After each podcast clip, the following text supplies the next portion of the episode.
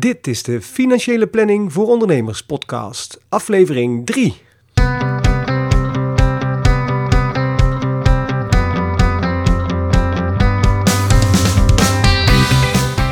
Ben je al jarenlang ondernemer? Net gestart? Of heb je plannen om voor jezelf te beginnen? In deze podcast krijg je informatie over alle mogelijke zaken waar je als ondernemer tegenaan loopt. Ik ben Martijn van Hulten, financieel planner en belastingadviseur en zelf al ruim 13 jaar ondernemer.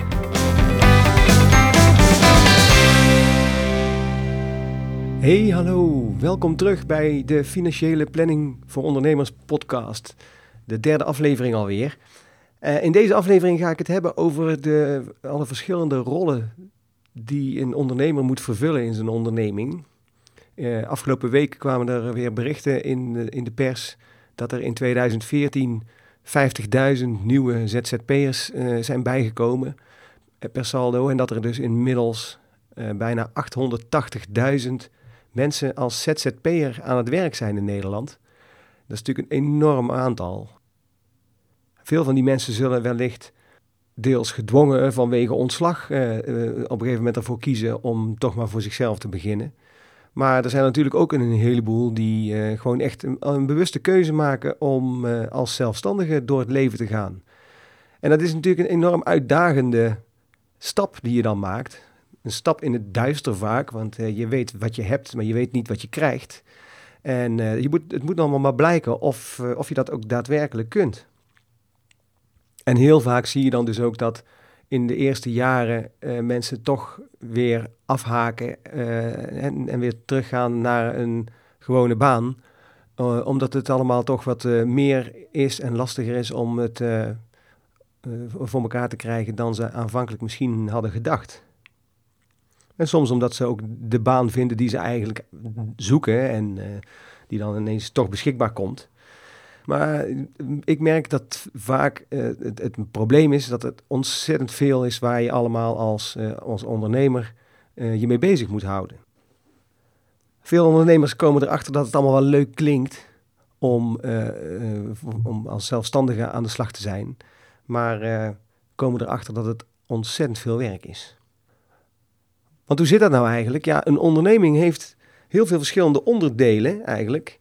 En uh, ja, ik uh, vergelijk het altijd maar gewoon met de, uh, een bedrijfsproces van, van een groot bedrijf. Bijvoorbeeld Philips. Als je Philips maakt machines, met name medische toepassingen. En ehm, ja, als je dan gaat kijken welke stappen zij allemaal moeten doorlopen om uiteindelijk die machines te kunnen leveren en daar geld mee te kunnen verdienen ja, dan uh, kom je heel veel zaken tegen. Uh, het begint vaak met marktonderzoek. Mensen moeten, ze moeten kijken van, is er behoefte aan wat voor soort machines is er behoefte? wat moet dat apparaat kunnen? Dus ze gaan onderzoek doen bij gebruikers, bij ziekenhuizen, artsen die, die, die met die machines moeten gaan werken. En dan ontwerpen ze dus zo'n machine. Nou, ze hebben daar een heel laboratorium uh, in Eindhoven, waar ze die uh, apparaten allemaal, dan prototypes maken misschien en, en testen en kijken of het inderdaad doet wat het eigenlijk zou moeten doen. Nou, vervolgens moeten ze zich bezighouden met het werven van klanten. Dus ze moeten zorgen dat er mensen zijn die die apparaten uiteindelijk willen kopen. En als het dan bijvoorbeeld over uh, consumentenproducten gaat, dan uh, gaan ze wellicht advertenties plaatsen of ze gaan tv-spotjes maken en proberen om op die manier mensen zover te krijgen dat ze die spullen straks ook willen gaan kopen. Nou, als dat dan allemaal loopt, dan zul je uiteindelijk, als mensen die producten willen gaan kopen, zul je ook moeten zorgen dat, dat er voldoende geproduceerd wordt. Dus er moet een heel, heel uh, productieproces uh, worden ingeregeld. en vaak wordt dat allemaal zoveel mogelijk geautomatiseerd, hè, zodat ze eigenlijk maar één keer hoeven in te regelen hoe dat apparaat wordt gemaakt en dat dat dan zeg maar min of meer automatisch van, van de lopende band rolt. Nou, dan hebben ze het productieproces gehad En dan moet het uiteindelijk nog verkocht worden. Want je kunt wel klanten warm maken om een product te kopen. Maar uiteindelijk zul je ook daadwerkelijk de verkoop moeten doen. Dus er moeten verkoopkanalen worden gezocht, winkels of groothandels moeten worden bewerkt of moeten worden benaderd om de spullen van, van die fabriek af te nemen. En als het dan uiteindelijk uh, zover is dat een klant of een prospect ook daadwerkelijk een klant wordt, dus iemand die, die wel bereid is om het product te kopen, dat hij het ook daadwerkelijk gaat afnemen, dan moet je zorgen dat het op een goede manier wordt afgeleverd dus uh, nou ja, als het vanuit een, een winkel wordt verkocht, dan is dat eenvoudig, want dan nemen ze het gewoon, neemt de klant het gewoon uit de winkel mee. Maar als het een grote machine is die geplaatst moet worden bij een klant, bij een ziekenhuis bijvoorbeeld, zo'n medisch, medisch apparaat, dan moet daar een, een, ook een heel team aan de slag om te zorgen dat het daar terecht komt en dat het allemaal wordt aangesloten en neergezet, zodat het allemaal werkt.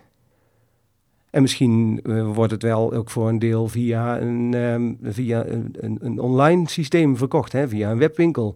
En als je een webwinkel hebt, dan zul je moeten zorgen dat uh, dat, dat ook, uh, dat de, de levering ook daadwerkelijk gebeurt. Als mensen bestellen via internet, dat ze dan ook de volgende dag of in ieder geval op redelijk korte termijn thuis dat ding afgeleverd krijgen. Nou, en als er dan de verkoop ook achter de rug is, en het product is geleverd, dan moet je natuurlijk nog zorgen dat er ook een betaling binnenkomt. Of misschien wil je die betaling wel hebben voordat je gaat leveren. Daar moet je ook, moeten ze ook allemaal over nadenken. Als dan de verkoop heeft plaatsgevonden en het product wordt gebruikt, dan zal het natuurlijk ook wel eens voorkomen dat er nog iets aan mankeert. Dus dan moet je als bedrijf zorgen dat je aan je garantieverplichtingen voldoet. Wellicht moet je het product terugnemen als het niet, uh, niet voldoet of als er iets mis mee is. Of misschien moet je uh, een reparatie eraan doen. Of nou ja, allerlei situaties die zich natuurlijk kunnen voordoen. En dat is dan zeg maar alles nog wat betrekking heeft op de productie en alles ervoor en daarna. Maar daarnaast moet je natuurlijk nog ook aan allerlei uh, uh, verplichtingen voldoen. Je moet een administratie bijhouden, je moet en, uh, de, de, boekhouding, er moeten fiscale aangiftes gemaakt worden, ingediend worden voor de BTW, voor de loonheffingen, de vennootschapsbelasting misschien. er moet een loonadministratie worden gedaan, er, worden, er is een debiteurenadministratie, een crediteurenadministratie. Nou, er is echt heel veel wat allemaal om dat bedrijfsproces heen zit wat ook allemaal moet gebeuren binnen dat bedrijf. Wellicht moet er financiering worden geregeld om te zorgen dat je de machines kunt kopen waarmee je uiteindelijk je product moet maken. Of eh, moet je een financiering hebben om eh, te zorgen dat je eh, door kunt op het moment dat je debiteuren nog niet betaald hebben. Nou, allemaal eh, activiteiten die, die een onderneming moet doen naast alle eh, normale productie activiteiten. Dan is er tenslotte ook nog een directie natuurlijk bij zo'n bedrijf. En die voeren het management over eh, de verschillende afdelingen die er zijn. Uh, die zorgen dat ze netwerken met, uh, met andere bedrijven in de branche. Dat ze proberen om natuurlijk contacten te houden met allerlei belangenorganisaties.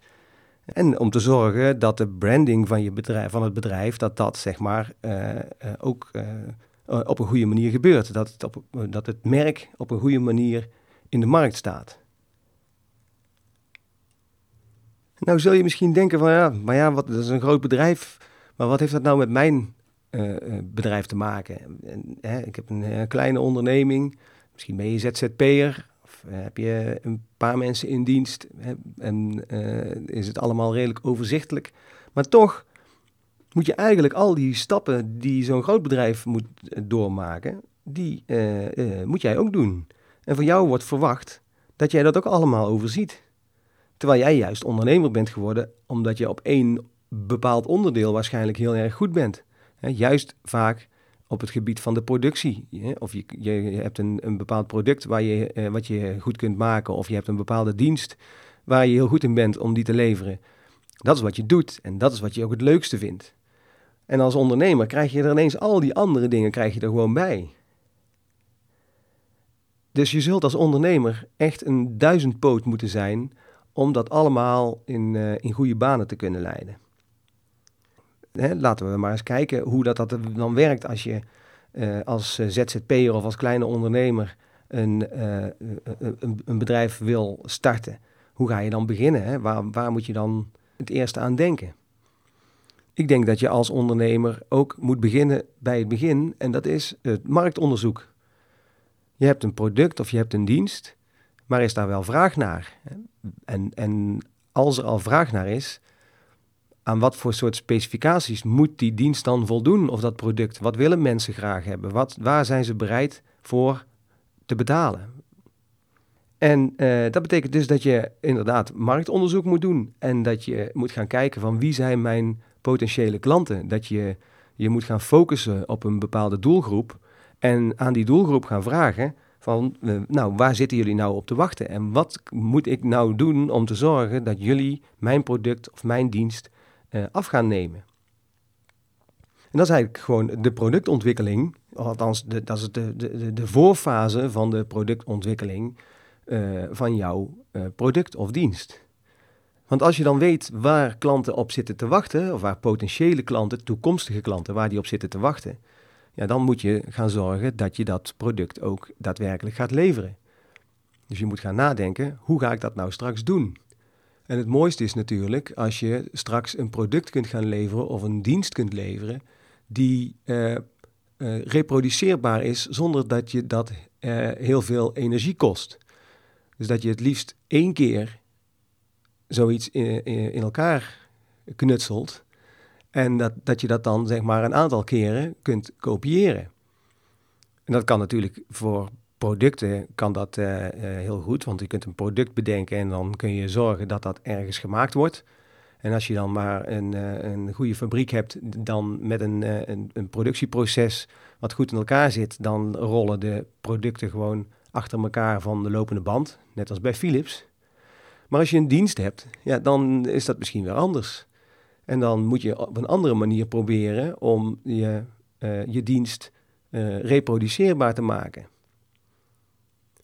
Dus eigenlijk moet je al in een heel vroeg stadium gaan nadenken van wat doe ik nou en uh, welke herhalende activiteiten doe ik die ik misschien op een andere manier zou kunnen inrichten, zodat ik het maar één keer hoef te doen en het dan meerdere keren kan verkopen. Nou, dat is ook waar wij nu, uh, waar ik zelf nu mee bezig ben, om te kijken of we bepaalde adviezen die we uh, aan klanten geven, of we die op een bepaalde manier kunnen vastleggen uh, in een filmpje of in een, in een audio file of in een checklist of hoe dan ook, om vervolgens dat dat advies wat we dan één keer hebben uitgebracht, uh, aan anderen ook te kunnen verkopen. En tegenwoordig met internet is dat natuurlijk uh, veel makkelijker dan in het verleden. Want het is niet meer zo heel ingewikkeld om een, uh, een filmpje te maken en op YouTube te zetten. En het is niet zo heel ingewikkeld, zeg ik dan. Het valt nog reuze tegen hoor, als je het uiteindelijk wil gaan doen. Want het kost allemaal nog meer tijd en, uh, en inspanning dan je uh, misschien op voorhand had gedacht. Maar het, uh, het is gewoon mogelijk om bijvoorbeeld zo'n podcast te maken zoals deze. Waarbij je kunt zorgen dat je als deskundige op een bepaald gebied ja, gezien wordt in de markt. En ja, van deze nieuwe mogelijkheden en die er op dit moment zijn met de techniek van tegenwoordig, daar moet je eigenlijk als ondernemer natuurlijk optimaal gebruik van maken. En dat is een grote uitdaging. Als je dan bedacht hebt wat je gaat maken of wat je voor een dienst gaat leveren, dan uh, moet je zorgen dat er inderdaad mensen zijn die weten dat je dat product uh, uh, verkoopt of die dienst levert. Dus je zult ook op een of andere manier daaraan marketing moeten doen. Je moet nadenken over je je merkbeleving en je moet nadenken over hoe jij wil dat mensen jouw bedrijf zien. En daar, daarbij kan natuurlijk zo'n filmpje op YouTube of een podcast of een, uh, een webinar of een, uh, een online uh, een e-book wat je online zet waar mensen, wat mensen kunnen downloaden. Dat zijn allemaal producten of onderdelen die ertoe kunnen leiden dat jij mensen naar je website toe trekt en waarbij je dus potentiële klanten verzamelt. En ook daarvoor zijn tegenwoordig allerlei systemen om te zorgen dat dat uh, zo uh, geautomatiseerd mogelijk verloopt, zodat je daar zelf niet al te veel uh, tijd aan hoeft te besteden. Want ja, alle tijd die je besteedt aan het marketen van je product en om het vinden van, van nieuwe prospects of leads voor je bedrijf, al die tijd kun je niet besteden aan de productie van je dienst of van je product.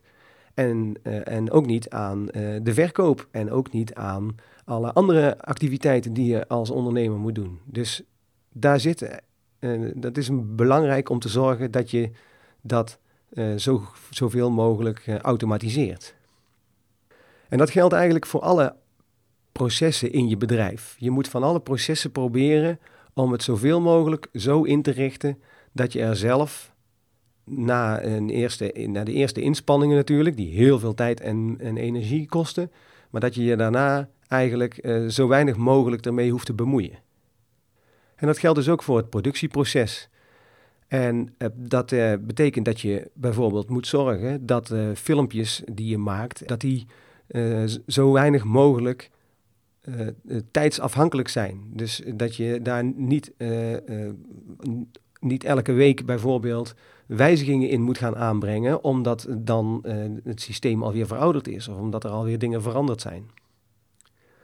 Het gaat er dus eigenlijk om om te zorgen dat je productieproces zo goed mogelijk reproduceerbaar is en dat je daar weinig tijd en energie meer in hoeft te steken. Nou, als je dat productieproces dan helemaal in, in, in kaart hebt gebracht en je hebt gezorgd dat dat, er, dat dat er is en dat je je product kunt gaan leveren, dan moet je uiteindelijk zorgen dat die prospects, die leads, die mensen die je hebt verzameld, die uh, potentieel klant zijn, dat die ook daadwerkelijk klant worden. Dus je zult ze moeten gaan overhalen om jouw product of dienst te kopen. En als je dat doet en, en de, klant die, die wordt inderdaad overgehaald om jouw product of jouw dienst af te nemen, moet je zorgen dat je dat op een goede manier levert. En dat bijvoorbeeld ook de betaling van zo'n product, uh, dat dat uh, gebeurt. Nou zie je tegenwoordig, met name in de dienstverlenende sectoren, sectoren, zie je in toenemende mate dat er allemaal online producten worden verkocht. Dus bijvoorbeeld, um, je, je, je, bedenkt een bepaalde oplossing voor een bepaald probleem waar uh, veel mensen in een bepaalde branche mee zitten. En uh, dan kun je daarvoor een aantal filmpjes, YouTube-filmpjes maken. Je kunt checklists maken. Je kunt audio-podcasts maken. Of je kunt, nou ja, je kunt allerlei verschillende soorten online producten bedenken waarmee die mensen dat probleem op kunnen lossen. En als het goed in elkaar zit, dan zullen mensen bereid zijn om daarvoor te betalen. Want een oplossing van hun probleem, ja, ze kunnen twee dingen doen. Ze kunnen een, eh, een, eh, een adviseur inhuren die voor een uurtarief uh, op hun bedrijf komt en daar het pro probleem probeert op te lossen. Of ze helpt bij het oplossen van dat probleem. Maar heel vaak hebben mensen zoiets van, nou, laat ik het eerst maar zelf proberen.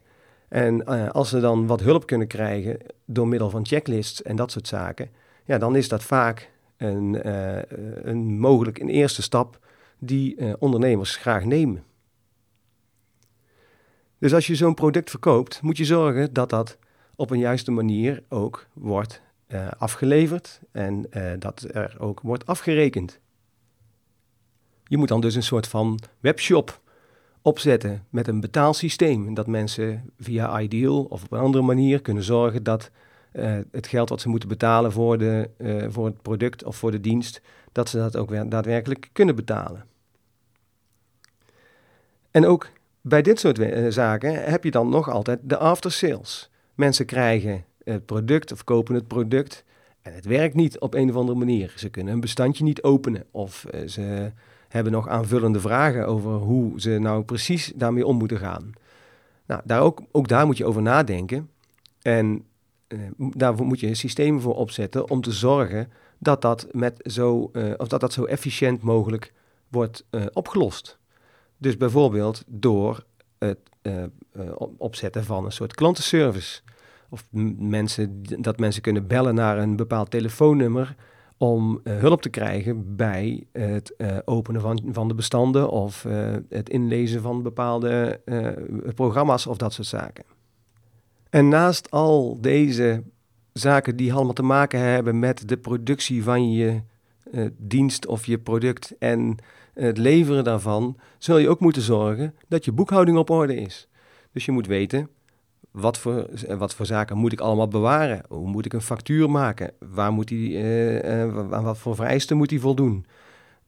Wanneer moet ik be bepaalde aangiftes doen? En, en hoe moet ik die invullen? Kan ik dat zelf of ga ik dat uitbesteden? Nou, over dat soort zaken moet je als ondernemer natuurlijk ook allemaal nadenken. En als je dat allemaal bij elkaar pakt en je, je, je kijkt daar van een afstandje naar, dan is dat natuurlijk allemaal ontzettend veel om je mee bezig te houden.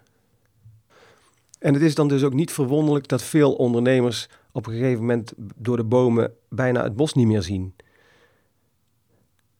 Ik zou dan ook adviseren om heel goed te kijken per onderdeel wat je daarvan zelf wil doen en wat je daarvan kunt en wilt uitbesteden. En dat is natuurlijk makkelijker gezegd dan gedaan, want als je geen inkomen hebt om uh, van uh, überhaupt uh, boodschappen van te doen, dan eh, wordt het ook al heel lastig om, dat, om geld te vinden om daar een dure adviseur voor in te huren. Maar daar is dan weer het internet. Gelukkig kun je heel veel oplossingen voor uh, problemen, voor de onderdelen waar, we hier, waar ik het hier over heb gehad. Kun je op, daar kun je op internet gewoon oplossingen voor vinden. Dus je kunt heel veel zelf doen, alleen dan kost het tijd. En zelf denk ik regelmatig, wat zou het toch mooi zijn als je tijd bij kon kopen. Dat je gewoon eens een paar uur extra in een dag kon, kon kopen. Of dat je een paar of een dag extra in de week kon kopen. Want er zijn zoveel dingen waar, je, uh, waar ik me nog mee bezig zou willen houden en die ik graag zou willen doen. Dat uh, dat, dat allemaal niet past in die, uh, in die 24 uur per dag die we hebben. En um, ja, dat is nou eenmaal dat is nou eenmaal een feit, dat je tijd niet kunt kopen. En dat is een van de weinige dingen, denk ik, die je met geld niet kunt kopen. Maar je kunt dus wel tijd kopen van andere mensen. En je zult dus moeten nadenken, heel goed voor jezelf, waar je goed in bent en waar je minder goed in bent. En als je nou heel goed bent in uh, bijvoorbeeld je eigen administratie en je hebt dat allemaal keurig op orde en je hebt uh, inzicht in hoe dat zit met cijfers, dan is het helemaal niet zo moeilijk om de boekhouding zelf bij te houden. En dan is het misschien ook met een klein beetje hulp helemaal niet zo moeilijk om zelf de BTW-aangiftes te doen. Dus in die, in, als jij zo'n persoon bent, dan is dat misschien heel verstandig om dat inderdaad zoveel mogelijk zelf te blijven doen. Maar misschien ben je wel helemaal niet goed in cijfers en ben je veel meer gericht bijvoorbeeld op techniek. En is het voor jou geen enkel probleem om bijvoorbeeld zelf uit te zoeken hoe je een website opzet of hoe je een, een systeem opzet dat mensen zich kunnen melden bij je op jouw website om te zorgen dat hun naam en e-mailadres wordt, wordt, wordt achtergelaten en dat je ze daarna kunt gaan mailen. Zo'n systeem is heel handig om te hebben, maar kost ook veel tijd om het op te zetten. En als je nou heel handig bent met computers, dan is het misschien wel een goed idee om dat zelf te doen. En ook daarvoor zijn heel veel filmpjes op YouTube te vinden, waarin precies wordt uitgelegd hoe zoiets nou uh, in zijn werk gaat. Hoe dan ook, het is belangrijk om heel goed na te denken al meteen bij het begin, van, bij de start van je onderneming, om heel goed na te denken, wat ga ik zelf doen en wat ga ik uitbesteden? Waar ben ik goed in? Waar, waar voel ik mij uh, prettig bij? Hè, en waar heb ik zelfvertrouwen? Heb ik genoeg, genoeg zelfvertrouwen om dat te doen? Nou, dan, uh, dan zou ik ook uh, vooral ervoor kiezen om dat zelf te doen. Maar als er zaken zijn waar je je minder uh, zeker over voelt, ja, dan lijkt me verstandig dat je daar probeert mensen bij te vinden die je daarbij helpen. En wat dan vaak ook nog een mogelijke oplossing is, is om eens contact te leggen met collega-ondernemers. Hoe hebben zij dat dan geregeld? Of hoe hebben zij dat gedaan? Of misschien hebben zij wel tips over hoe je zelf iets kunt doen. Of hebben ze bepaalde toepassingen en tools gevonden op internet waarmee zij uh, een bepaald probleem aanpakken waar jij ook mee zit? En kunnen ze jou heel goed helpen om op die manier zelf uh, daar de oplossing voor te bedenken. Nou, wat is nou uiteindelijk het belangrijkste om mee te beginnen? Stel, je bent startende ondernemer en je hebt geen geld om uh, überhaupt uh, van te leven. Dat is een lastige situatie, want dan ben je afhankelijk dus van uh, de eerste omzet om in ieder geval zeg maar een brood te kunnen kopen. Nou, in die situatie, als je in die situatie begint, dan zou ik adviseren om alle acties die er zijn te, te richten op het krijgen van de eerste omzet. Je zult zo snel mogelijk moeten zorgen dat er iemand is die jouw product of wat jij kunt, uh, de dienst die jij kunt leveren, om die te kopen, zodat je in ieder geval omzet binnenkrijgt. Want op het moment dat die omzet binnen gaat komen, dan kun je daarvan ten eerste zelf uh, in je eerste levensbehoeften vo voorzien, maar daarnaast kun je ook wellicht een deel van het geld gebruiken om weer verder te ontwikkelen. Dus ik zou, als ik nu voor mezelf zou beginnen, in ieder geval niet uh, beginnen met uh, veel tijd en energie te steken in het krijgen van visitekaartjes en na te denken over de kantoorinrichting en dat soort zaken. Maar gewoon zorgen dat je zo snel mogelijk de dienst die je uiteindelijk wil verkopen, dat je die op poten zet en zorgt dat je mensen vindt die die dienst willen gaan afnemen. En als je dan een klant hebt gevonden die jouw eerste product wil, uh, jouw eerste product wil kopen, probeer dan altijd om meer te leveren dan zo'n klant verwacht. Want als je, als je meer levert dan zo'n klant verwacht, dan wordt zo'n klant enthousiast en, dan gaat hij, en dat gaat hij rondvertellen. En vraag daar dus ook om. Dus op het moment dat een klant tevreden is omdat jij je product hebt afgeleverd of je dienst hebt afgeleverd, Geef hem dan een, paar kaartjes mee of geef hem je, vraag hem of, je, of die je telefoonnummer of je e-mailadres wil doorgeven aan uh, collega-ondernemers of aan anderen die uh, wellicht ook behoefte hebben aan die dienst of dat product. En waar je in ieder geval voor uit moet kijken, is mijn ervaring, is dat je in het begin niet maar alles aanpakt wat, wat je op je pad komt. Veel ondernemers, startende ondernemers, hebben de neiging om alles maar te gaan doen als het maar omzet oplevert. En uh, dat is niet altijd verstandig. Want uh, dat, dan ga je misschien dingen doen waar je eigenlijk helemaal niet in eerste instantie niet aan gedacht had om dat te gaan doen. En wat ook misschien uiteindelijk wel helemaal niet je doel is om te gaan doen. En het is heel lastig als je eenmaal een aantal eh, van dat soort activiteiten hebt lopen, om die weer af te gaan bouwen, om tijd te creëren voor wat je eigenlijk wel wil doen. Dus in eerste instantie ja, hoe moeilijk het ook is, uh, zou ik proberen om zoveel mogelijk te focussen op waar je echt goed in bent en wat je heel graag wil doen. En uh, niet te veel uh, zaken aan te pakken die eigenlijk niet in dat plan, dat ondernemingsplan van jou passen.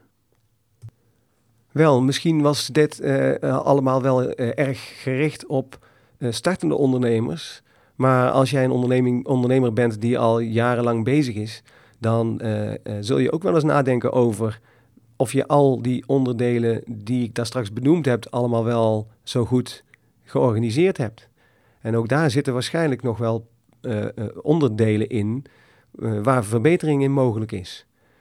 Misschien besteed je wel heel erg veel tijd aan een van die onderdelen, terwijl dat eigenlijk veel beter anders georganiseerd kan worden, zodat het je minder tijd kost en efficiënter is. En dat je daardoor weer meer kunt richten op de onderwerpen waar je misschien op dit moment nog wat minder aandacht aan besteedt dan je zou willen. Dus ook daarvoor geldt, ook voor, voor, voor bestaande ondernemers, geldt eigenlijk van nou, ga nou eens regelmatig eventjes zitten en pak een stuk papier en een pen en schrijf nou eens op waar je mee bezig bent en waar je waar je je eigenlijk mee bezig zou willen houden. En, en ga kijken in hoeverre dat die twee nog uh, op elkaar aansluiten. En als er dingen zijn die je nu doet, waarvan je eigenlijk vindt dat je daar veel minder tijd aan zou moeten besteden, ga dan regelen dat je daar minder tijd aan hoeft te besteden. Door, uh, door, door iemand anders te laten doen, hè? iemand in te huren om dat te doen. Of door een, slim systeem uh, op te zetten met automatisering bijvoorbeeld, uh, zodat je daar zelf minder tijd aan hoeft te besteden.